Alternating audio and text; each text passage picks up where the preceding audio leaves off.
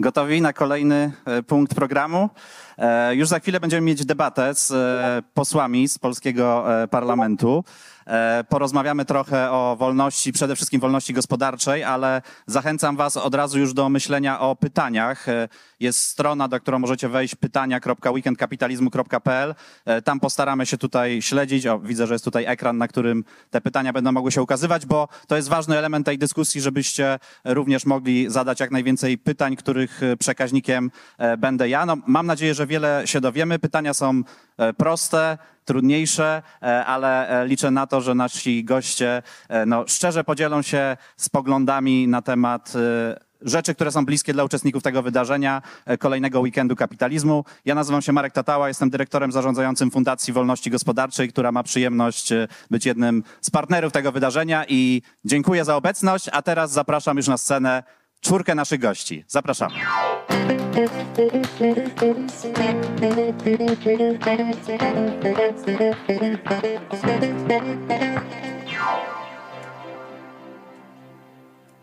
Zapra- Zapraszamy do, za- zapraszamy do zajęcia e, miejsc e, i tak jak powiedziałem, o już widzę, już, o, już, już widzę, że jakieś pierwsze trudne pytania się pojawiają, e, ale liczymy, tak, testujemy system, czy działa.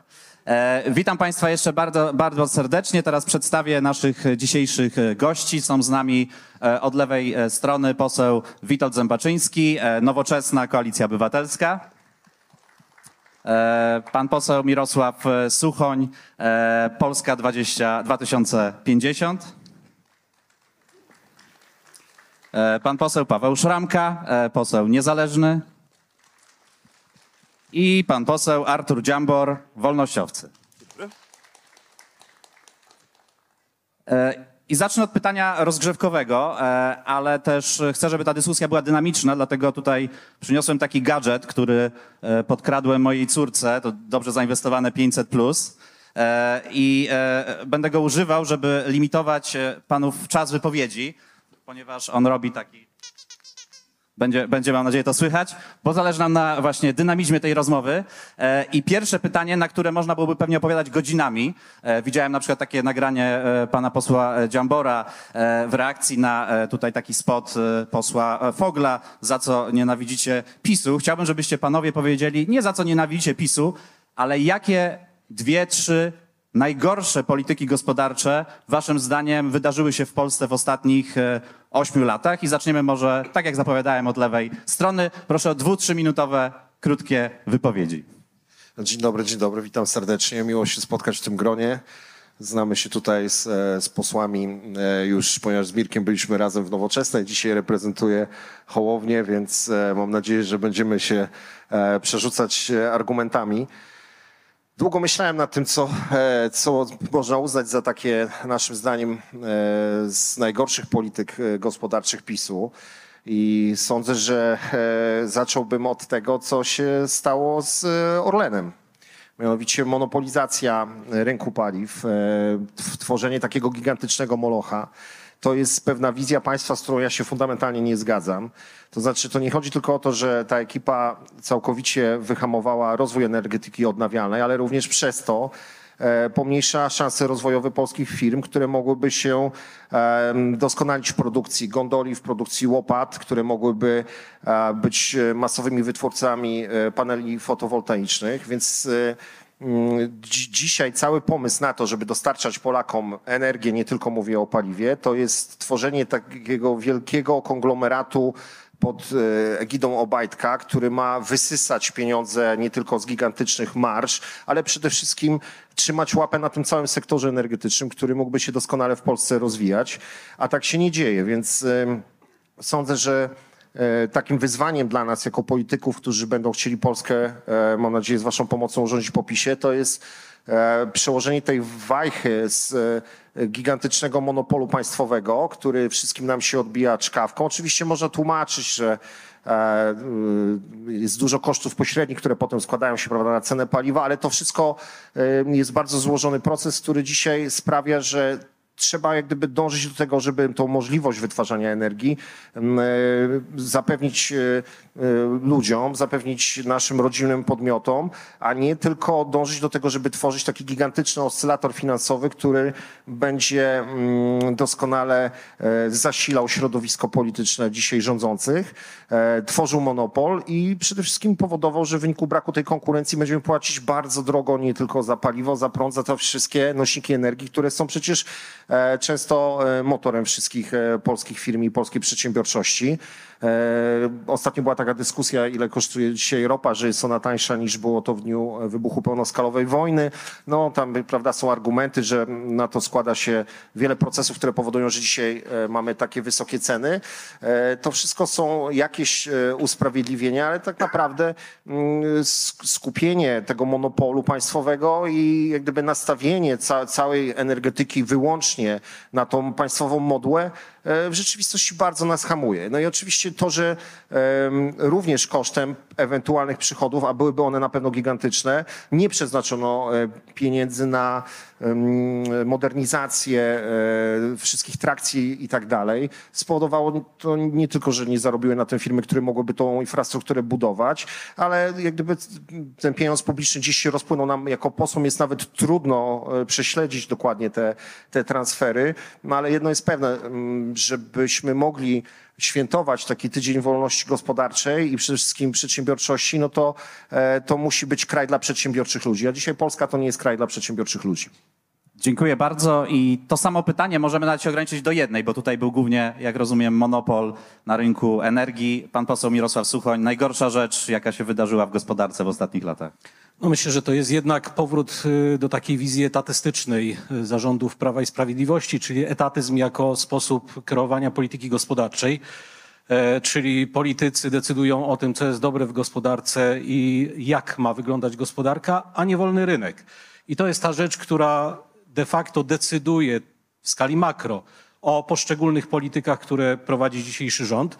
I oczywiście możemy się spierać e, na różne e, argumenty dotyczące konkretnych sektorów.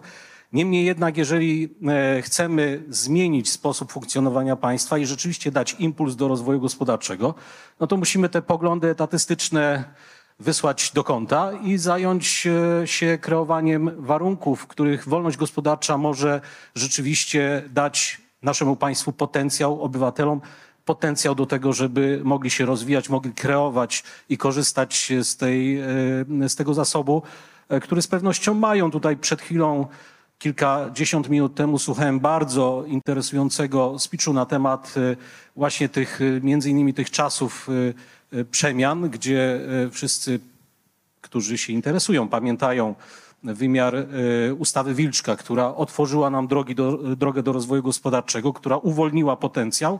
Ja myślę, że dzisiaj my możemy zrobić dokładnie to samo. E, My mamy rzeczywiście w swoim programie takie rzeczy, które no dzisiaj są y, sztandarowym rozwinięciem tej myśli, czyli e, odbiurokratyzowanie, czyli uproszczenia podatkowe. To są poszczególne polityki, które, o których musimy rozmawiać i które musimy wdrożyć.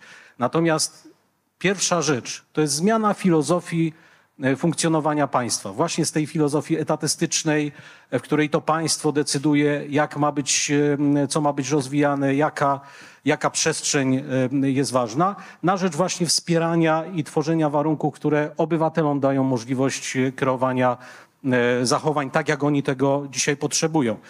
Myślę, że ta polityka gdybyśmy mieli poszukać sz- takich szczegółowych rozwiązań, no to po pierwsze polityka dialogu. Tego, co dzisiaj nie ma w e, kreowaniu warunków gospodarczych, kreowaniu m, przestrzeni gospodarczej, prawa gospodarczego, czyli powrót do stołu ze środowiskiem gospodarczym. Te, zmiana w państwie nie uda się, jeżeli przy tym stole nie siądą politycy, oczywiście, ponieważ oni głosują w parlamencie, ale nie siądą eksperci, praktycy prawa gospodarczego, e, i nie zaczną rozmawiać o tym, jak wykreować te warunki gospodarowania, żeby to rzeczywiście miało ręce i nogi i pozwoliło, pozwoliło rozwinąć nam potencjał gospodarczy.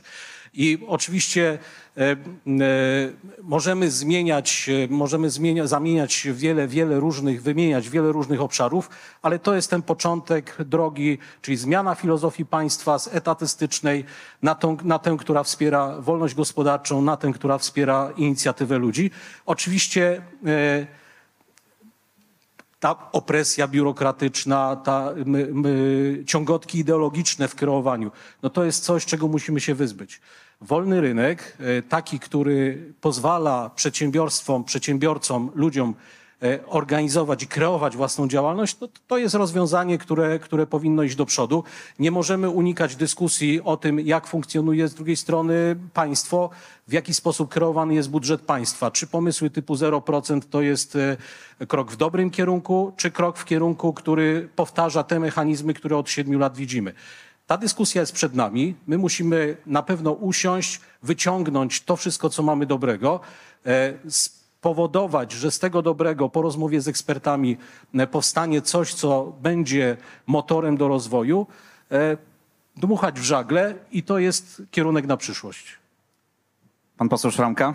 Najgorsza rzecz. Ale ładnie moi przedmówcy to powiedzieli. Normalnie głosowałbym, panowie. Serio. Bardzo Ci dziękuję. Macie mój głos.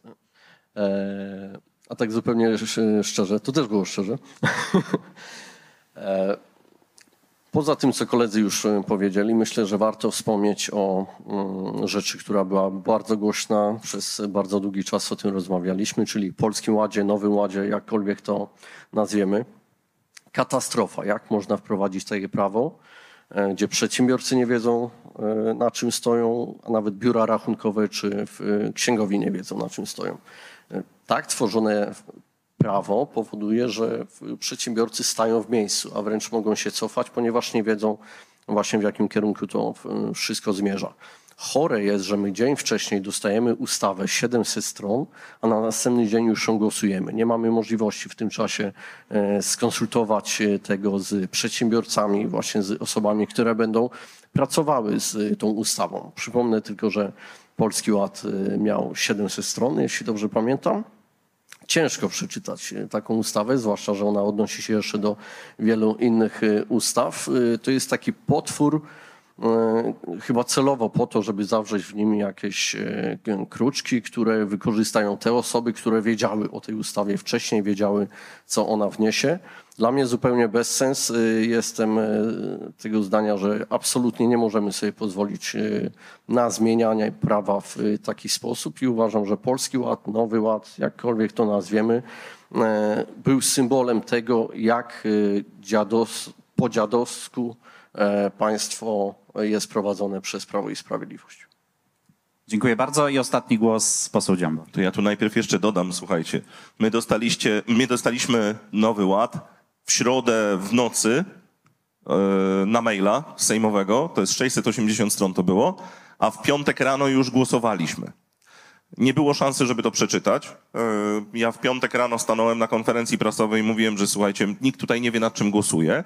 Natomiast e, poseł Szynamka powiedział, że przedsiębiorcy nie wiedzą, na czym stoją. Było dużo lepiej. Posłowie nie wiedzieli, na czym stoją i jak przyjechali na pierwsze y, styczniowe posiedzenie, to się wszyscy zdziwili, jak dostali tysiaka mniej wypłaty.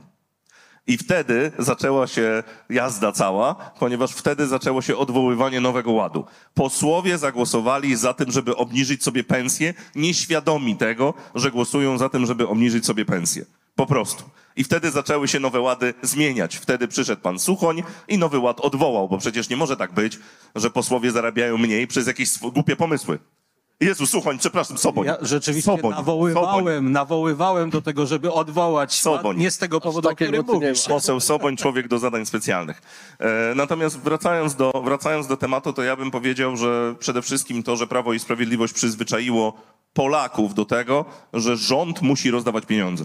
Rząd musi dawać coś, żeby być atrakcyjnym. I tak jak my, wolnościowcy, przez dekady mówiliśmy o tym, że my wam nic nie damy, ale wam nie będziemy zabierać, tak teraz nagle stało się tak, że jesteśmy wybitnie nieatrakcyjni dla masowego elektoratu, ponieważ ten masowy elektorat dostał 500, plus, dostał 1000, plus, teraz dostanie 600 plus i 1500 plus i dostanie jeszcze nie wiadomo co, ponieważ każda partia polityczna, która chce zdobyć władzę, szykuje się do kampanii wyborczej, szykując pro, projekty rozdawnictwa pieniędzy. I niestety jest tak, że partie polityczne, nawet jeżeli są w kontrze do Prawa i Sprawiedliwości, bo my tutaj nie mamy dzisiaj przy stole nikogo, nikogo z Prawa i Sprawiedliwości, to i tak bardzo często za tymi programami socjalnymi głosują, ponieważ boją się e, gniewu masowego wyborcy. I ten gniew masowego wyborcy to jest to, co stanowi gigantyczną barierę dla nas, wolnościowców, ponieważ rzeczywiście jest tak, jak kiedyś było w 2019, pamiętam, była taka debata gospodarcza w Trójmieście, na którą ja pojechałem reprezentując Konfederację wtedy. Mm, pro- Poseł, e, poseł PiSu był moim konkurentem. E, Na pytanie o nasz program gospodarczy, no to ja zacząłem mówić o tam, o podatku dochodowym, o dobrowolnym ZUS-ie, o VAT-ie i tak dalej. Na co poseł PiSu powiedział, a ja przypominam, że dzięki PiSowi macie państwo 500+. Plus. No i kto wygrał tę debatę? No że oczywiście, że facet, który daje 5 stów do ręki, a nie typ, który gada o tym, że tu należy podatek jakiś obniżyć, tutaj przesunąć, tu zlikwidować, a tu dołożyć, tak? To jest jasne i to niestety jest e, zbrodnia. To, czego dokonało Prawo i Sprawiedliwość na gospodarce i na społeczeństwie, to jest zbrodnia. Ponieważ oni nauczyli ludzi, i nie e, jakichś randomowych ludzi, nauczyli dziesiątki milionów ludzi wyciągać rękę i czekać, kto da więcej. I dzisiaj trwa ten wyścig i my w tym wyścigu, wolnościowcy, w momencie, gdy chcemy być partią racjonalną i antypopulistyczną, nie jesteśmy w stanie przebić pomysłów typu 500 plus, waloryzacja 500 plus na 1000 plus, potem 600 plus i 1500 plus i zerowy kredyt i tak dalej. Nie jesteśmy w stanie z tym konkurować dla masowego wyborcy, ponieważ my temu masowemu wyborcy powiemy, zlikwidujemy obciążenia podatkowe, będziecie mieli mniejsze koszty pracy, będziecie dzięki temu więcej zarabiali, więc nie dostaniecie od nas pięciu stówek na konto wprost ode mnie, tak jak teraz wszyscy myślą, że od kaczora dostają, tylko dostaniecie więcej pensji i z tą większą pensją będziecie mogli zrobić więcej. To jest to, co my oferujemy. No i teraz pytanie, ile ludzi jesteśmy taką ofertą w stanie przekonać, gdy obok stoi ktoś, kto mówi, ja wam dam tysiaka. Dziękuję bardzo. Przejdę teraz do e, jeszcze tutaj krótkiej listy takich bardzo szybkich pytań, żebyśmy się trochę więcej dowiedzieli konkretnie o poglądy na pewne sprawy. Potem zadam tutaj jedno z pytań, które e, nam się wyświetla. E, Ale chciałbym prosić, jeżeli, jest, jeżeli się uda odpowiedź tak, nie, no ewentualnie nie mam zdania, ale 5-10 sekund na odpowiedź to jest maks. E, To są pytania, które e, niektóre z nich to są z ankiety, którą możecie wypełnić na stoisku Fundacji Wolności Gospodarczej, więc nie pytam o płeć, wiek, bo to już tutaj mamy e, jasne, ale zakaz handlu w niedzielę. Tak, nie? Czy No to jest zakaz robienia zakupów w niedzielę. Ja żądam prawa do tego, żeby móc sobie chodzić na zakupy wtedy, gdy chcę. zakaz? Głosowałem za tym, a dwukrotnie. Dwukrotnie głosowałem za tym, żeby zakazu handlu w niedzielę nie było. Tak, tutaj e, inni koledzy chyba z Konfederacji głosowali za to. Nie odpowiadam za innych kolegów z Konfederacji. Nie no, to, to trzeba powiedzieć, że był, po- że był pan wtedy rzeczywiście w kole, które głosowało gremialnie niemalże. Także Nie, pięć do pięciu było. Gratuluję, że się pan wyłamał. My jesteśmy tutaj absolutnie ambasadorem e, tego, żeby handel w niedzielę był dostępny. Jest szereg argumentów. Nie tyczy się to tylko i wyłącznie prawa konsumentów do tego, żeby decydować o tym, kiedy robią zakupy, ale chodzi również o możliwość dawania zarobkowania ludziom młodym. Jesteśmy za przywróceniem handlu w niedzielę i to zrobimy. Pan poseł? Nie, Odpowiedź jest oczywista. Jestem za przywróceniem handlu w niedzielę. No, Moja formacja Polska 2050 jest za przywróceniem handlu w niedzielę. Mało tego, to był, to był, yy, yy, to był pierwszy taki, pierwsza decyzja polityczna naszego ugrupowania, która zapadła w formie zbiorowe, zbio- zbiorowej mądrości. E, I wydaje mi się, że to jest taki kierunek, e, o którym też musimy mówić, bo rzeczywiście dzisiaj jest tak, że niektórzy e, mówią o tym, że są tacy bardzo wolnościowi, ale jak przychodzą głosowania, no to głosują przeciwko temu. Ja już nie chcę się znęcać nad tą konfederacją, ale tak dokładnie jest, że oni dużo mówią, ale niestety tylko mówią. I ostatni głos o zakazie handlu. Miało być krótko, więc nie dla, nie dla zakazu, tak dla wolnego handlu. Super, to inna bardzo popularna polityka ostatnich lat. Teraz będzie pewnie trudniej e, panom wybrnąć. Może zaczniemy tutaj e, też od lewej strony. 500 plus. Zostawiamy, znosimy, zmieniamy. Zlikwidować. Zlikwidować. Myślę, że to jest coś, co. Yy... Bardzo dziękuję. Cieszę się, że Państwo doceniają tę polityczną odpowiedź. Dziękuję bardzo. E, Słuchajcie, ja, ja w e, 2019 roku powiedziałem w e, rządowym radio, że trzeba zlikwidować 500 plus i wprowadzić inny program. Oni wycięli ten fragment i wałkowali to w wiadomościach non-stop. Wiecie, jaki był efekt? Dostałem najwięcej głosów w historii wyborów na Opolszczyźnie. Ale dzisiaj jestem trochę w innym e, punkcie i powiem tak, po tych wszystkich latach ten program jest absolutnie niewydolny, ale wiele budżetów domowych zostało pod niego zaprogramowanych i uważam, że ten program powinien ulec reformie, kiedy uporamy się z inflacją. Wtedy kryterium dochodowe i wyłącznie dla osób o najniższych zarobkach powinno 500 plus trafiać tam, gdzie jest potrzebne, bo dla osób, których budżety się spinają, po prostu jest to marnotrawstwo środków publicznych. Dzięki. To proszę nie oddawać mikrofonu od razu z zupełnie innej beczki. Trochę o wolności gospodarczej, bo tym produktem można też handlować, ale także osobistej. Legalizacja marihuany. Jestem wielkim zwolennikiem. Uważam, że w Polsce powinna być absolutna depenalizacja posiadania marihuany, prawo do sadzenia, prawo do palenia. E, absolutnie 50 tysięcy osób, które są po różnych e, wyrokach za posiadanie powinny mieć oczyszczone karty karne. Konopie, e, te, które są siewnymi, bardzo często trudno jest utrzymać w tym reżimie do 2%. On chyba ostatnio został zwiększony, jeżeli chodzi o THC. Dlatego jest to też wielka strata dla polskiego rolnictwa. Kiedyś Polska była potęgą, jeżeli chodzi o uprawę tych konopi siewnych. Można z nich wytwarzać masę produktów, nie tylko spożywczych, ale również takich innowacyjnych, które mm, doskonale zastępują inne materiały. Ale przede wszystkim e, to, co jest dla mnie istotne jako ojca 15-latka, to jest to, żeby legalizacja marihuany przede wszystkim skończyła z dopalaczami. Tylko legalizacja marihuany wyprze z rynku e, dopalacze, pozwoli rozwinąć e, niesamowicie mm, prywatny sektor wokół hodowli, wokół upraw, wokół sprzedaży, zapewni konsumentom dostęp do sprawdzonej marihuany bez e, dodatkowych e, składników i przede wszystkim e, zapewni gigantyczne wpływy budżetowe dla państwa. Dlatego jestem gorącym zwolennikiem legalizacji, posiadania, sadzenia, handlowania i wszystkiego, co się wiąże z marihuaną. Zanim panowie się wymienią mikrofonem, to może poseł Dziambor. Sadzić, palić, zalegalizować. Znaczy, nie no, uważam, że, że absolutnie nie powinno być tego typu ograniczeń. Państwu nic do tego, co jem, co piję, jak widać, i co palę. Jestem również za legalizacją mm, osoby, które opowiadają się za tym, że należy podtrzymać ten zakaz, to uważam są najwięksi hipokryci, bo nie argumentują to tym, żeby młodzi nie ćpali, młodzi byli zdrowi i tak A dalej. sami palą. A sami palą. Po cichutku. E, Natomiast no nie oszukujmy się, jakikolwiek zakaz e, nie powoduje, że tej marihuany nie będzie. Tak, tak więc jak ktoś mówi, że zakaz musi być po to, żeby jej nie było, no to raczej wspiera tych, którzy po prostu ha- handlują tym na czarnym rynku. Absolutnie czarny rynek y, i, i dzisiaj mówienie o tym, że to jest y, niedostępne, jest absolutną hipokryzją. Moje osobiste zdanie jest takie, że należy ostrożnie liberalizować zasady, natomiast y, my jako formacja nie mamy tutaj jakiegoś szczególnego programu poza kwestiami medycznymi i to też trzeba dzisiaj wyraźnie powiedzieć, że kwestie ideologiczne przesłaniają wielu politykom zdrowy rozsądek. I myślę, że e, jeżeli coś e, na pewno powinniśmy zrobić w pierwszym kroku, to jest z pewnością tutaj bardzo silne zielone światło e, dla tych, którzy najbardziej potrzebują. Natomiast kolejne etapy, oczywiście ja osobiście mam zdanie takie, że należy je wykonywać. E, Dziękuję bardzo. Wszyscy możecie na podobne pytania odpowiedzieć w ankiecie na e, stoisku. Ja tutaj zadam trochę przeformułowane pytanie z tej listy, która się wyświetla, e, bo nie będę pytał, dlaczego nie przywołujecie panowie Mareja Rodbarda z mównicy sejmowej, ale zapytam odwrotnie, żebyście wymienili jednego autora, filozofa, polityka, osobę, która jest w waszej działalności także w obszarze tej wolności, wolności gospodarczej, jakąś inspiracją. Może zaczniemy teraz od pana posła Szramki. Myślę, że ciężko byłoby wymienić jedną osobę. Ja, w, jeśli chodzi o ustawy, jeśli chodzi o programy, na każdy patrzę indywidualnie. Staram się w, wyciągnąć jakieś własne zdanie, a nie kierować się jakąś ideologią czy e, jakąkolwiek e, pozycją w literaturze. Patrzę pod tym kątem, e, ile będzie dobrego, a ile, ile będzie złego z tej ustawy i to jest dla mnie najważniejsze. Pan poseł Dziambor?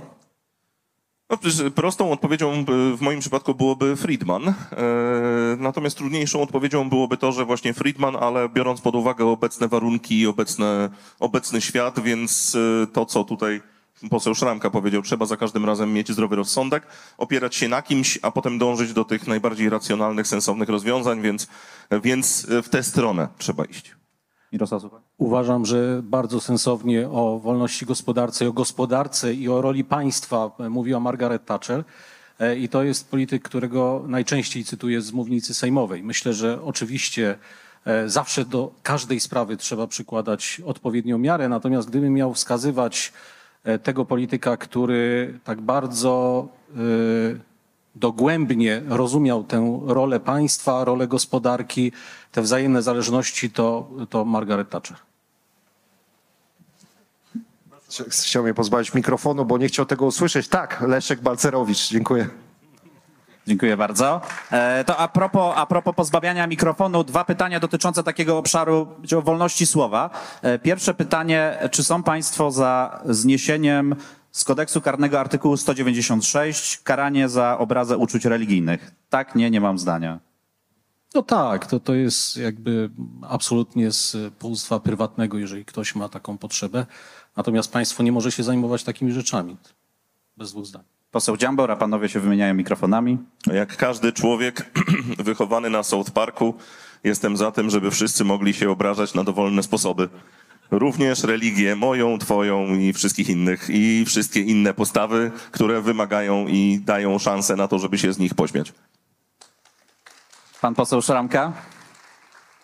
Dążmy raczej do tego, żebyśmy nie musieli się obrażać i ten artykuł faktycznie jest niepotrzebny, archaiczny. W zeszłej kadencji mój kolega poseł Krzysztof Mieszkowski z Nowoczesnej złożył taką ustawę. Rzeczywiście chcemy likwidacji tego artykułu e, i jest szereg nowych argumentów, e, które nam dostarcza na bieżąco PiS w tej chwili. Często ten pretekst jest używany do tego, żeby mm, próbować w różnych happeningach e, hamować nas polityków, ale to nie chodzi o to, żeby go zlikwidować, żeby chronić klasę polityczną. Chodzi o to, żeby po prostu zapewnić e, wszystkim takie autentyczne świeckie państwo i to jest jeden z elementów tej konstrukcji. A tutaj dodam, że w tej kadencji Sejmu mieliśmy taką inicjatywę obywatelską chyba, która zaostrza, zaostrzać chciała te, to prawo do tego stopnia, że kabarety nawet by oberwały tam rykoszetem i wtedy napisałem na Twitterze, żebyście ściągali szybko z YouTube'a ten sketch tam, gdzie jest Bogu, ty dalej do sznura gadasz? Tak, bo, bo to może być zakazane. tak? E, I drugie pytanie z obszaru wolności słowa. Czy są Państwo za zniesieniem ciszy wyborczej? Ja zawsze, bo mamy to w programie jako nowoczesna, to jest archaizm, to jest coś, co w ogóle e, może być na przykład teraz sprytnie omijane przy najbliższych wyborach. Jeżeli zostaną one rozpisane przez prezydenta w najbliższym e, możliwym ustawowo terminie, to będzie 15 października, czyli Dzień Papieski, to już sobie wyobrażam te, te tabuny pisowców z, z, z, z obrazkiem e, JP2, którzy będą mówili, nie, nie, absolutnie, to my nie łamiemy ciszy wyborczej, my tylko świętujemy Dzień Papieski. E, cisza wyborcza e, out. Pan poseł Suchoń? Ale za zi- zniesieniem czego? Ciszy wyborczej. Ciszy wyborczej. Przepisy. Znaczy jest coś takiego jak cisza wyborcza. Znaczy, rozumiem, że w- z prawa należy ją usunąć, bo czegoś takiego jak cisza wyborcza nie ma. Znaczy wszyscy udajemy... Do, te, do tej pory w kampanii wyborczej pań, państwa ugrupowania są zazwyczaj warzywami jakimiś. e, Zresztą ciekawe, jakim w- Jest- wrażeniem mieli tak, być wolnościowcy na przykład. Rzeczywiście warzywami, ale też y, m, w kościołach i, tu, i tutaj myślę, że nie jest dla nas tajemnicą w, na różny sposób w mediach publicznych, y, na różny sposób, y, na takich powiedziałbym w sposób nieoficjalny y, cały czas ona jest prowadzona, y, zwłaszcza przez przedstawicieli obozu dzisiaj rządzącego. I, I oczywiście to, to jest coś, co jest y, jakimś archaizmem y, i, y, i ta decyzja byłaby jak najbardziej zasadna. Pan poseł Szramka? Powiem, że z mojej perspektywy to jest całkiem fajny dzień, bo po całej kampanii wyborczej mamy jeden dzień, gdzie można sobie odetchnąć przed tymi wyborami. Natomiast no, faktycznie to się nie sprawdza, zwłaszcza jeśli wejdziemy do kościołów, gdzie są politycy, którzy wręcz na ambonę wchodzą po to, żeby przemówić y, do wiernych, a wiadomo, że w y, perspektywie dalszej do wyborców, bo za chwilę po tej mszy pójdą głosować, no to oczywiście jest to rzecz, która się absolutnie nie sprawdza i w takiej formie, jaka jest e, teraz, no to nie ma racji bytu. Jakim warzywem lub owocem na bazarku byliby wolnościowcy? Pojęcia nie mam. Jakimś sneakersem albo coś pewnie. e, Ale ten, e, słuchajcie, no, każdy piątek w nocy to jest ten moment, kiedy wszyscy się próbujemy nakleić z naszym plakatem jak najbliżej każdej komisji wyborczej w naszym mieście. Bo zasada jest taka, że ostatnia twarz, którą się widzi przed wejściem do komisji wyborczej jest tą twarzą, która ma szansę e, być zaznaczona krzyżykiem. Kompletne, kom- kompletne wygłupy. Natomiast oczywiście zlikwidować ciszę wyborczą, ona jest archaizmem już w tym momencie. Natomiast e, opowiem wam 2014 rok, kampania europarlamentarna, chyba to była wtedy. Mm, e, Mieliśmy decyzję PKW podaną w piątek po południu, e, mówiącą, że jeżeli ktoś pozwoli sobie skomentować albo dać lajka na Facebooku na profilu jakiegoś polityka, to łamie prawo. I my wtedy mówiliśmy, żeby panowie z PKW zapytali się swoich wnuków, co to jest internet, bo, bo nie ogarnęli ewidentnie. No. Zanim zapytam e, panów, jaką panowie lub ugrupowania zrobiliście tutaj to pierwsze pytanie, najważniejszą rzecz dla wolności gospodarczej. Czy próbowaliście zrobić, bo rozumiem, że mogło się też nie udać przez układ polityczny, jaki obecnie mamy, mało sprzyjający wolności, to zapytam jeszcze o takie pytanie i proszę o ocenę w skali 1 do 6, jak w szkole. E, trzymam w sumie pytania z takiego wymiaru. Jak oceniają państwo poziom wolności gospodarczej w Polsce w skali od 1 do 6 dzisiaj? Jeden. Dwa. Ja myślę, że dwa. dwa.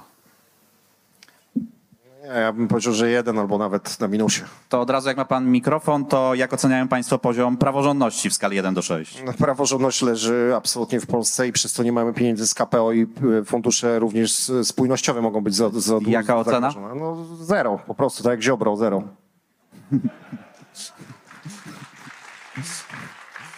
szkole niestety jeszcze oceny Ziobro nie ma, ale y, możemy próbować. Myślę, że ocena zero byłaby niesprawiedliwa dla e, tysięcy sędziów, którzy próbują opierać się tej opresyjnej władzy i, i e, absolutnie niezależnie próbują rozsądzać sprawy obywateli. Więc ja doceniając pracę sędziów niezależnych, doceniając pracę tych prokuratorów, którzy są niezależni e, i którzy bardzo często są e, poddani represji ze strony władzy, jednak ze względu na nich postawiłbym znowu dwójeczkę. Dziękuję. Pan poseł Szramka? Ja też bym dał dwa ze względu na to, że y, jest dosyć grupa, dosyć duża grupa osób, która e, czerpie, można powiedzieć, z tej praworządności, natomiast to są zazwyczaj zwolennicy PiSu. No, y, biorąc pod uwagę, jak u nas to wygląda, czyli to, co mówiłem na tym moim TikToku, że mamy Trybunał Konstytucyjny polityczny, Sąd Najwyższy upolityczniony, prokuraturę, która jest na, na politycznym pasku, to należy dać jeden tutaj i doceniając tych pojedynczych sędziów, którzy mm, prowadzą sprawy, chociaż tutaj też jest tak, że obywatele regularnie praktycznie do nas piszą, dzwonią, przychodzą, żebyśmy jakoś ich ratowali przed wymiarem sprawiedliwości. No niestety, no ciężko jest o tym mówić. To wracając tutaj od razu od e, Artura Dziambora, kolejne pytanie, także skala od 1 do 6. E, Jak oceniasz transformację z socjalizmu na kapitalizm, której głównym elementem były reformy wprowadzone przez Leszka, Leszka Balcerowicza? Aha. Nie, no dobrze. Y, To zupełnie inaczej wyglądało. Wtedy mieliśmy, y, najpierw mieliśmy ustawę Wilczka, tutaj już wspomnianą, i to jest to, na czym powinniśmy się opierać. Y, Później odbywało się pewne ratowanie, ratowanie państwa przed hiperinflacją. To, to, to, to też trochę ekstremalne warunki. My tych warunków dzisiaj nie mamy. Jeszcze przynajmniej Prawo i Sprawiedliwość do takich warunków nie doprowadziło. Natomiast rzeczywiście, rzeczywiście my musimy y, podjąć się tego, o czym y, profesor Balcerowicz bardzo często w swoich różnych felietonach mówi, czyli od powiedziałbym takiego antypopulizmu, czyli zrobienie wszystkiego, żebyśmy, żebyśmy nie szli w taki populizm, tylko to jest trudne, bo partia, która nie jest populistyczna, ma bardzo małe szanse zdobywać władzę. I jak widzimy, y, partia polityczna taka, jaką jest Prawo i Sprawiedliwość, nawet ona nie jest w stanie wprowadzić wszystkiego, co ma ochotę, czego najlepszym przykładem jest Lex Czarnek, bo przecież gdyby chcieli, to by to zrobili. Chcieli wprowadzić dyktaturę w szkołach i nie wprowadzili, ponieważ opór społeczny był tak gigantyczny, że tylko w Prawie i Sprawiedliwości naj, najcięższy beton to popierał. Ogólna ocena transformacji w takim razie w skali od 1 do 6 w Polsce? Powiedziałbym 3-4. Panie pośle? No, taka trójeczka. Trójeczkę. A, absolutna piątka. To w ogóle bez żadnych wątpliwości. To, co zrobił Balcerowicz. Wszyscy y, pamiętamy tamte czasy, ale jestem głęboko przekonany, że gdyby nie zdecydowane reformy, które spowodowały oczywiście trudne czasy, trudne wyzwania, ale też nieprawdopodobne szanse. Znaczy nie bylibyśmy dzisiaj w tym miejscu, w którym jesteśmy, nie bylibyśmy w tym miejscu w 2004 roku, w którym byliśmy przystępując do Unii Europejskiej, gdyby nie te trudne decyzje. Oczywiście pytanie jest o poszczególne polityki dotyczące różnych spraw, bo być może można to było zrobić wtedy inaczej i dzisiaj po wielu latach, gdyby ktoś przeprowadzał tego, tego typu reformy, no to z pewnością powinien być może bardziej rozumieć wyzwania ludzi, którzy wtedy zostali rzuceni na głęboką wodę. Ale absolutnie e, to, co zrobił Leszek Walcerowicz z transformacją naszej gospodarki, w tamtym trudnym czasie jest genialne i naprawdę dzisiaj trzeba to doceniać. I jestem przekonany, że za kilka, może kilkanaście lat Leszek Balcerowicz będzie osobą z największym szacunkiem, bo rzeczywiście też jest dzisiaj tak, że ci wszyscy piewcy etatyzmu e, posponują tamte dokonania, e, zapominając jakie to były czasy, zapominając jakie były wyzwania i też ignorując to, w których miejscach są dzisiaj państwa, które nie dokonały tamtych reform.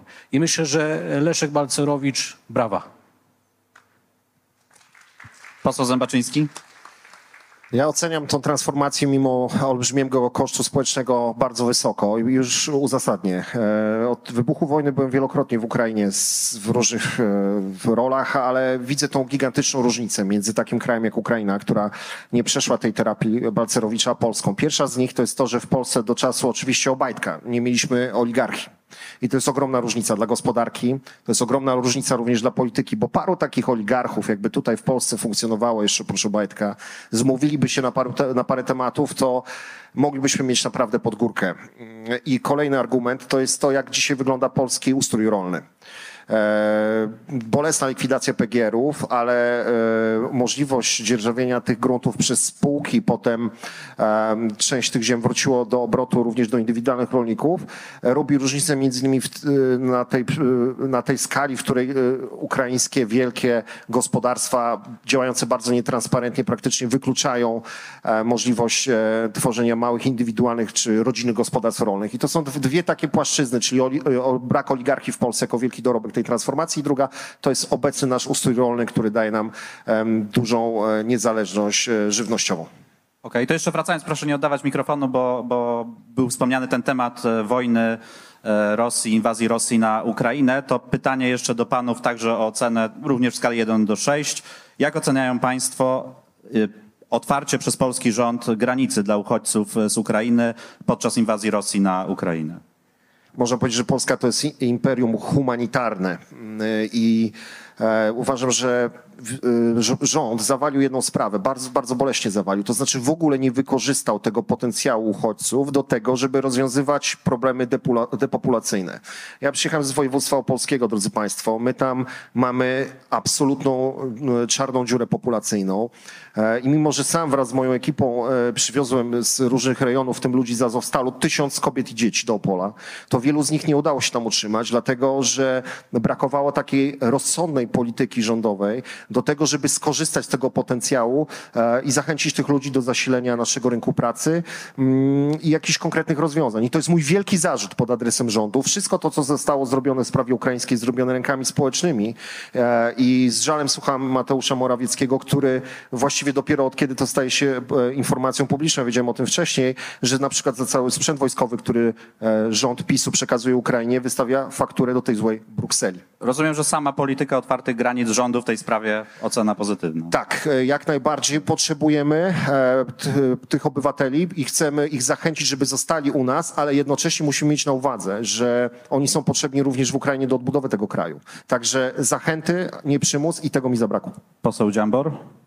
No, y, y, ja tutaj y, po pierwsze muszę powiedzieć, że to oczywiście Polacy zdali przede wszystkim egzamin, bo to Polacy się rzucili do masowej pomocy i to no, obserwowaliśmy to od pierwszych dni. Oczywiście podchodzę do tego maksymalnie pozytywnie. Ja mm, też przypomnę, że różnica zdań wewnątrz Konfederacji doprowadziła na ten temat, doprowadziła do sytuacji, w której dzisiaj są wolnościowcy, więc, e, więc to też no, była dla nas bardzo ważna rzecz, jak podchodzimy do, e, do sprawy ukraińskiej właśnie. Ja też e, no, nadzorowałem, sprawdzałem, jak wygląda kwestia dzieci w szkołach. No jestem nauczycielem, także z oczywistych względów muszę się zajmować tym, co, co jest mi najbliższe, więc tutaj też muszę powiedzieć, że Wydziały Oświaty w większości miast sobie radziły naprawdę doskonale i dzisiaj mamy sytuację, w której e, ten system już się nauczył tej obecności e, ukraińskich dzieci w szkole. Nawet Szkoła w mojej dzielnicy ma 500 uczniów, z czego 100 to są ukraińscy uchodźcy.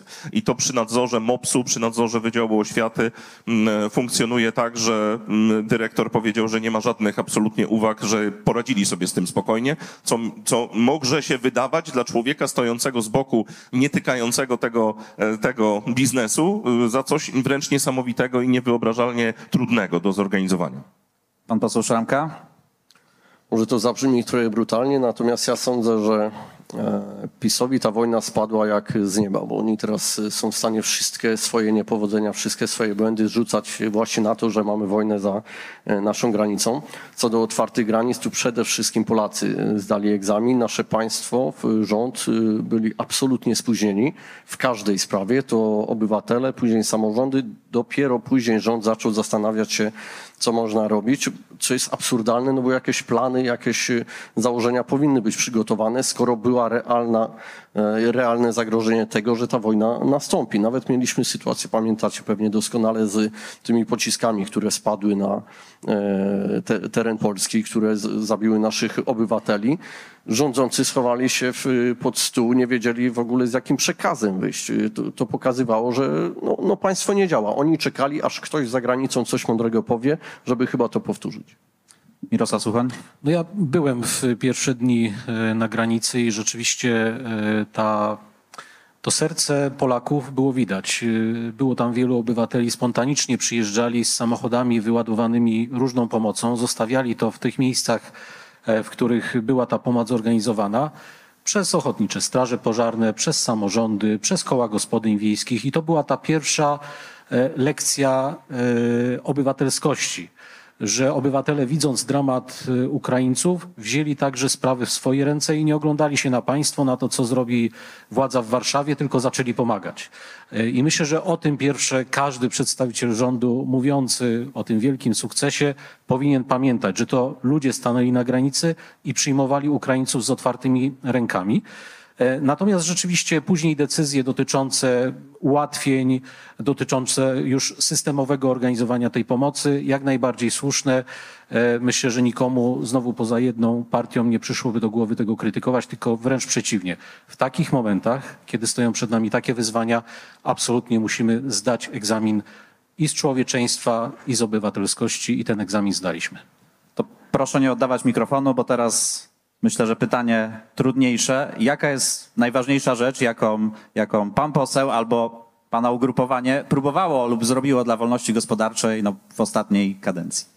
No, tych e, projektów, które, m, e, które podpisałem, czy też byłem ich współtwórcą dotyczących właśnie wolności gospodarczej, było całe mnóstwo. Natomiast gdybym miał wskazać coś, co spowodowało, że to państwo nie poszło dalej w, ty, w, tej, w tej biurokratycznej ekspresji, to tutaj, jak siedzimy na przykład z panem posłem Szramką, udało nam się, powiem, powiem kolokwialnie, uwalić zmiany w obszarze e, zmian w obszarze kontroli, systemu kontroli e, pojazdów, e, gdzie była ustawa, która e, spowodowałaby, że z naszych kieszeni poszłoby do instytucji państwowej e, pół miliarda złotych, e, bez żadnych, powiedziałbym, e, jakichś konsekwencji w postaci e, lepszego systemu, tylko i wyłącznie na działalność kolejnych Misiewiczów e, w instytucji państwowej.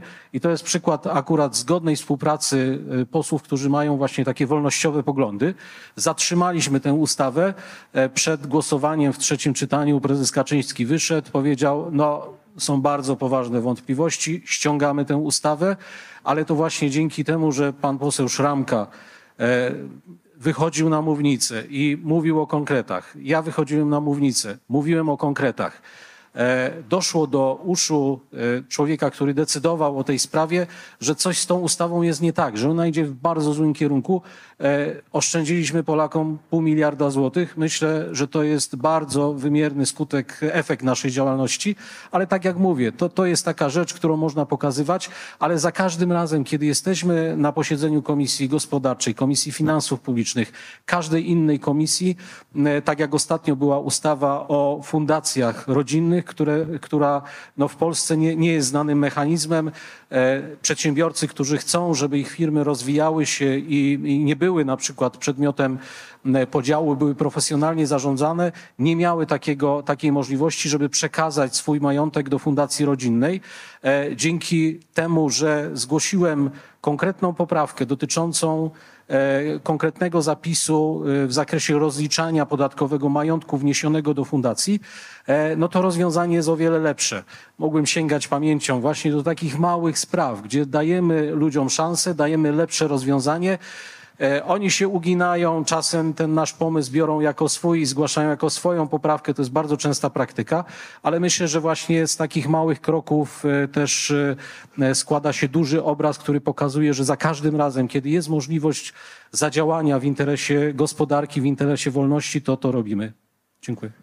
Pan poseł Szramka ma trudniej, bo już część aktywności została przedstawiona, ale może jest kolejny przykład, który warto pokazać. E, To jest świetny przykład, który podał e, Mirek. O tyle różniący się, że w tamtej kadencji my mogliśmy do poprawek wychodzić. W tej kadencji już e, zostało to uwalone. E, Czyli nie możemy wychodzić do poprawek, nie możemy ich argumentować. Wtedy tych poprawek było bodajże sześć. My obaj wychodziliśmy do każdej. Te poprawki ja je po prostu złożyłem. One były przygotowane przez stronę społeczną, także tu był też świetny przykład e, współpracy posłów ze stroną społeczną. Ustawa szła jak walec przez Ko- Komisję Infrastruktury. Nawet posłowie PiSu byli zniesmaczeni, ale widać było jakieś odgórne naciski. No ale tak jak powiedział poseł e, Suchoń, e, Kaczyński słuchał o dziwo wtedy tych e, naszych przemówień. Ja w ostatniej poprawce na końcu powiedziałem, panie prezesie, ci ludzie za panem nie mają pojęcia nad czym głosują, także to na panu spocznie odpowiedzialny, że pan zabije całą branżę stacji kontroli pojazdów. No i o dziwo, o dziwo za chwilę wyszedł i wycofali tę ustawę. Jeśli chodzi o inne wolnościowe, no, mam niebywały sukces. Tych ustaw opozycji e, bardzo niewiele przechodzi. E, w, ta, w tamtej kadencji udało mi się przeprowadzić ustawę o, o trójkołowcach. Mieliśmy takie durne prawo, że trójkołowce można jeździć tylko na kategorię A, gdzie prawie w całej Europie można jeździć na kategorię B. Mm, No, z trójkołowców korzystają innymi osoby niepełnosprawne, mm, które mają bezwładną. No, wytłumaczcie mi, jak te osoby miały zdać egzamin na e, kategorię A. E, Tym bardziej logiczne jest, że pojazdem, którym się poruszamy, powinniśmy również y, móc zdać ten egzamin. Natomiast trójkołowcem trudno by było zrobić takie slalomy jak y, między innymi jednośladem. Tak więc udało mi się przeprowadzić tę e, ustawę o trójkołowcach. Ona weszła w życie. Mm, Było kilka jeszcze. Miałem ustawę o e, kierujących pojazdami, chyba tak to się jakoś nazywało. Tam było masa zapisów takich, że e, odstąpimy od karania za e, brak dokumentu prawo jazdy, czy też dowodu rejestracyjnego. To oczywiście PiS usadził w pierwszym czytaniu, natomiast później niektóre z tych pomysłów weszły, czyli może były jakąś pozytywną in- inspiracją. Artur Dziambor? To, to, to, czego nie widzieliście, ponieważ ja nie chodziłem wtedy z kamerami, y, ale powiedziałbym, że interwencje w trakcie pandemii, interwencje dla przedsiębiorców, którzy dzwonili, pisali, prosili, y, żeby interweniować w ich sprawie. Y, Mówię tutaj o tych, którzy byli nachodzeni przez policję i przez sanepid. Mówię tutaj o tych, którzy dostawali te gigantyczne mandaty 30 tysięcy złotych za to, że śmieli otworzyć swój pub na przykład w trakcie w trakcie pandemii, wtedy kiedy były na to zakazy, gdzie mieli do wyboru albo otworzyć, albo zbankrutować, umrzeć po prostu, mm, ponieważ Prawo i Sprawiedliwość sobie tak zażyczyło. Ja tych interwencji miałem dziesiątki, nie jestem w stanie tego zliczyć, ale, mm, ale rzeczywiście tego było bardzo dużo. W tamtym okresie myśmy właściwie tylko jeździli do Sejmu i na interwencje. I e, te interwencje kończyły się w Sanepidzie, kończyły się na policji, e, kończyły się zazwyczaj tym, że, e, że ci przedsiębiorcy, którzy byli nachodzeni przez przez policję i przez sanepid, przestali być nachodzeni przez policję i przez sanepid, ponieważ ja im czarno na białym pokazałem, że nie ma żadnego prawa, które rzeczywiście pozwala sanepidowi i policji nachodzić tych przedsiębiorców. No i teraz zresztą wszystkie sądy udowadniają, że to mieliśmy rację od samego początku, ponieważ wszystkie te 30-tysięczne mandaty są odwoływane. Mm, I niestety, niestety to, co rząd zdążył zrobić, no to zabić po prostu wielu, wielu ludzi, którzy prowadzili tego typu wybrane działalności, czyli siłownie, fitnessy, restauracje, puby. Nie wszystkie udało się uratować. E, Natomiast te interwencje przepraszam, te interwencje były bardzo często absurdalne.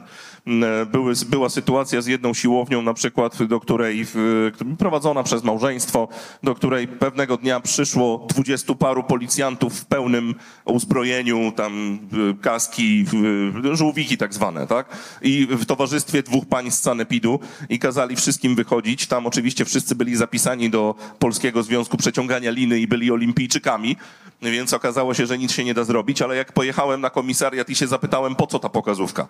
Dlaczego na siłownię, którą obsługują dwie osoby i ćwiczy tam 10 osób, przyszło dwudziestu paru policjantów z pełnym uzbrojeniem? Na co odpowiedź brzmiała, no wie pan, bo u nas takich kafarów nie ma, jak tam ćwiczą, nie? No więc to, to, to były te interwencje, które my mieliśmy jako nasza codzienność. Myśmy wtedy jeździli cały czas i w imieniu tych przedsiębiorców robiliśmy wszystko, żeby się po prostu od nich odczepili. Żeby się sanepid odczepił, żeby się policja odczepiła. I zazwyczaj były to interwencje skuteczne. Te, które były nieskuteczne, skończyły się w sądzie i sąd w tym momencie oddala te, mm, te wielkie kary. Tylko niektórzy już potracili interesy. Pub, w którym ja przez wiele lat organizowałem tak zwane piwa z dziamborem, już dzisiaj nie istnieje, ponieważ właścicielka tego pubu powiedziała, że ją nie stać na 30 tysięcy kary, więc ona nie otworzy i po prostu zamknęła, zrezygnowała, tego pubu już nie ma. Za mało piwa piłeś tam. widzę. Witold Zambaczyński. Ja mam poczucie, że za każdym razem, kiedy głosuję przeciwko pisowskim ustawom, to robię coś dla wolnego rynku i dla, dla przedsiębiorców i dla naszej gospodarki. Akurat należy do tej części opozycji, której ustawy nie przechodzą. Yy, Więc e, arytmetyka sejmowa jest bardzo prosta. To pytanie można zadać głównie rządzącym, co oni zrobili, a jak wiadomo, zrobili tylko same złe rzeczy. Ale odpowiem może troszeczkę inaczej. E, mm, Nie wszyscy politycy wiedzą, po co są w polityce, a ja może troszkę Państwa rozdrażnię tym, co powiem, ale ja wiem, po co jestem w polityce i co chcę zrobić i za co jestem w stanie politycznie umierać. Mianowicie mam taką ideę. Chciałbym, żeby w każdym ogłoszeniu o pracę w Polsce była obowiązkowa informacja o wysokości wynagrodzenia. I to jest coś, co naprawdę chcę zrobić. E, Wynika to z tego, że kiedy pracowałem w jednej ze spół- z prywatnych spółek prowadziłem procesy rekrutacyjne, czasami wielodniowe, wieloetapowe i kiedy dochodziliśmy do kwestii wynagrodzenia, okazywało się, że jednak straciliśmy obydwoje czas. Skonsultowałem to z paroma dużymi podmiotami z branży HR i doszliśmy do wniosku, że to rozwiązanie nie tylko zmniejszy lukę płacową, ale przede wszystkim pozwoli młod- młodym ludziom świadomo, świadomie, świadomie, pełni świadomie podjąć decyzję o przyszłej ścieżce ich kariery zawodowej. To przede wszystkim da możliwość uzyskania transparentności e, w siatki wynagrodzeń, między innymi w sektorze publicznym, po to, żebyśmy się nie musieli co chwilę dowiadywać o tym, jak duże pieniądze zarabiają za nic nie robienie. Niektórzy, między innymi mm, bardzo młode osoby zatrudniane w urzędach wojewódzkich po to tylko, żeby zaglądać na konta Facebooka i podawać e, tweety dalej niektórych polityków PiSu. Więc e, ta moja ustawa, jasne zarobki, obowiązku informacyjnym wysokości wynagrodzenia być może nie brzmi dla państwa jako e, wolnościowe rozwiązanie, ale jest to głęboko przemyślana chęć tego, żeby w Polsce wprowadzić tą transparentność i dać możliwość ludziom e, po prostu decydowania o tym, czy chcą zostać, e, nie wiem, fryzjerem, czy może jednak magistrem politologii i z jakim przyszłym życiem to się wiąże. To usprawni, tak jak mówiłem, te procesy rekrutacyjne i wrzuci światło w ogóle na siatkę wynagrodzeń i też sprawi, że być może ta presja płacowa, która dzisiaj do, dojeżdża wielu przedsiębiorców i ciągle rosnące koszty pracy, będzie w jakiś sposób korespondować z wydajnością. Dziękuję. To mamy jeszcze e, chwilkę, więc proszę teraz o szybkie odpowiedzi. Równolegle do weekendu kapitalizmu odbywa się Bitcoin Film Festival, więc proszę o panów, o panów stosunek do Bitcoina, do kryptowalut, do tego, co się dzieje równolegle do tej e, e, tradycyjnej formy e, pieniądza. Czy państwo powinno z tym walczyć, nie przeszkadzać, pozwalać na eksperymentowanie? Może zaczniemy tutaj od lewej. No, w- przyszłym tygodniu widzę się z jednym z prowadzących jednej z giełd e, bitcoinowych, który prowadził w, na moje zaproszenie wielokrotnie szkolenia m, dla e, wolnościowców e, na temat tego, czym jest bitcoin, jak w to wejść, na czym to polega, e, jak się w to bawić i jaka jest tego przyszłość. Więc uważam, że wolnym ludziom powinno być wolno m, operować swoimi swoimi pieniędzmi zgodnie z własnym uznaniem, więc i tutaj popieram.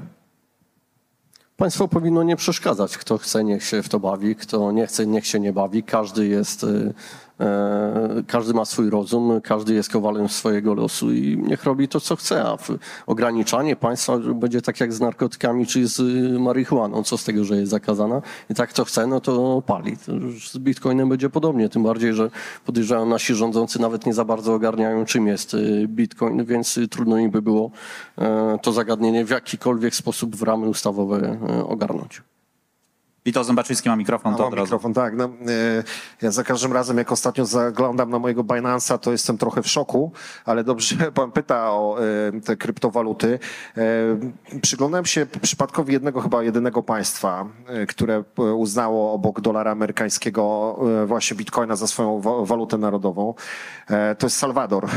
I ostatnie spadki mm, na giełdzie spowodowały, że no, są naprawdę dzisiaj w trudnym położeniu ekonomicznym. Co prawda to jest malutki kraj, tam 4 miliony ludzi mieszka, więc uważam, że wprowadzenie e, bitcoina jako waluty narodowej e, to jest e, pomyłka na w dniu dzisiejszym, ale uważam, że wprowadzenie euro jako waluty w Polsce to jest warunek sine qua non naszej stabilizacji gospodarczej, walki z inflacją i przede wszystkim poprawy naszego bilansu eksportowego.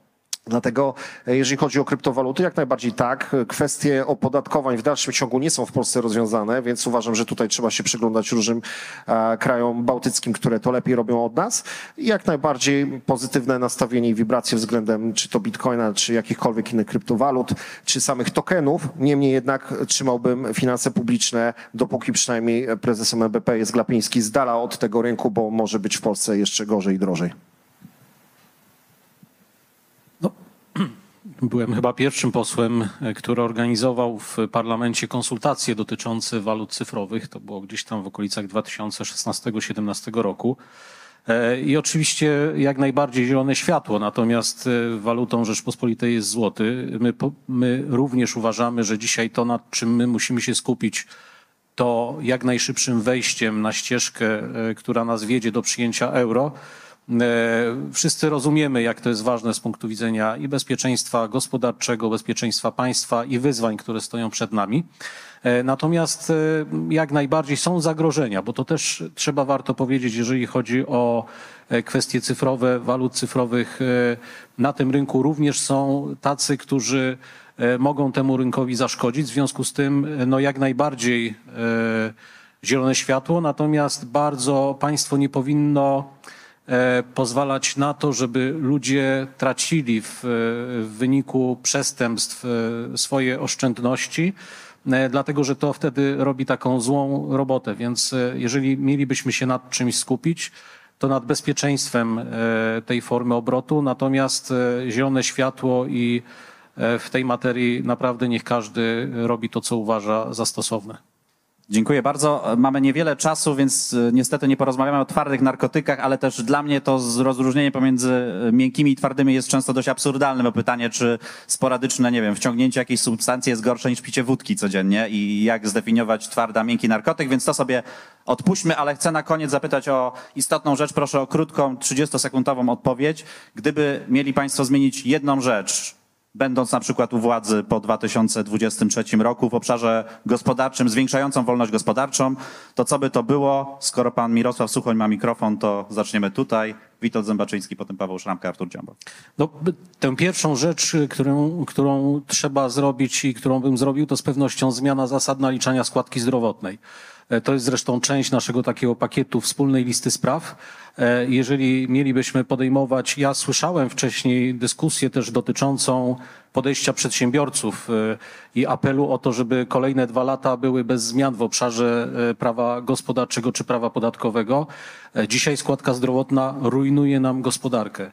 I to jest rzecz, którą jeżeli mógłbym zmienić pierwszego dnia po, po zmianie władzy w Polsce, to byłaby to właśnie kwestia składki zdrowotnej i, i, to, i to jest rzecz, która w ogóle jest poza dyskusją.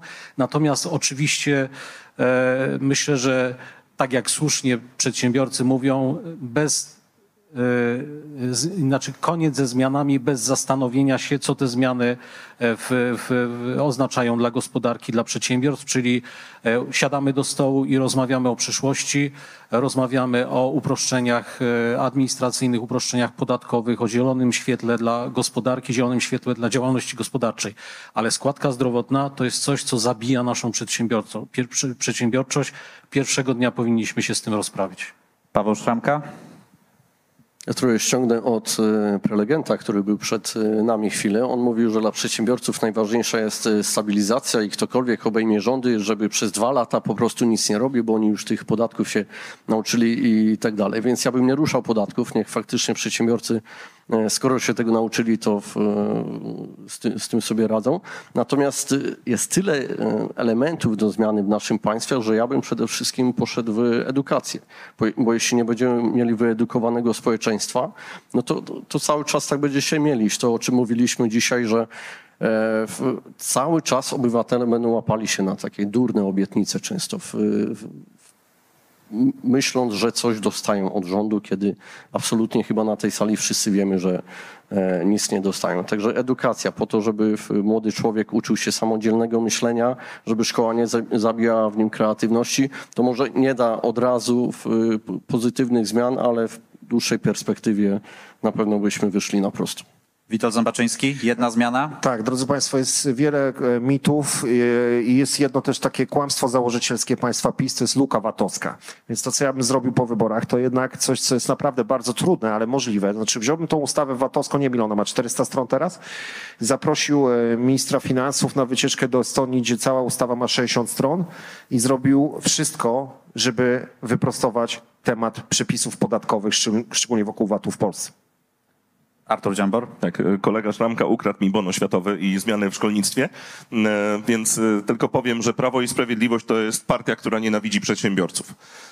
I to widzimy na każdym kroku. Co ciekawe, to samo mówiłem o, o Platformie Obywatelskiej, gdy rządziła, tylko że później się dowiedziałem, że może być jeszcze gorzej. I to, co Platforma Obywatelska nie pomagała przedsiębiorcom za swoich rządów, to to jest małe miki w porównaniu z tym, jak Prawo i Sprawiedliwość niszczy przedsiębiorców. Dlatego trzeba zrobić wszystko, żeby przedsiębiorcy, ludzie, którzy prowadzą własne działalności, to jest półtora miliona ludzi w Polsce, którzy tworzą miejsca pracy i dają miejsca pracy, dzięki którym w ogóle ten kraj się rozwija i stoi, no to są ludzie, którym trzeba pomagać. A więc trzeba wycofać to, co Nowy Ład im narzucił, a więc trzeba zmienić zasady naliczania składki zdrowotnej, najlepiej ją wypuścić na wolny rynek, a więc należy doprowadzić do możliwości, w której te pieniądze, które dzisiaj znikają w składce ZUS-owskiej, mogły być inwestowane w rozwój, w rozwój firmy, ponieważ no umówmy się, wiemy doskonale, że sytuacja ZUS-u jest taka, że właściwie wszyscy, co tu siedzimy na tej sali, będziemy dostawali głodową emeryturę, jeżeli w ogóle.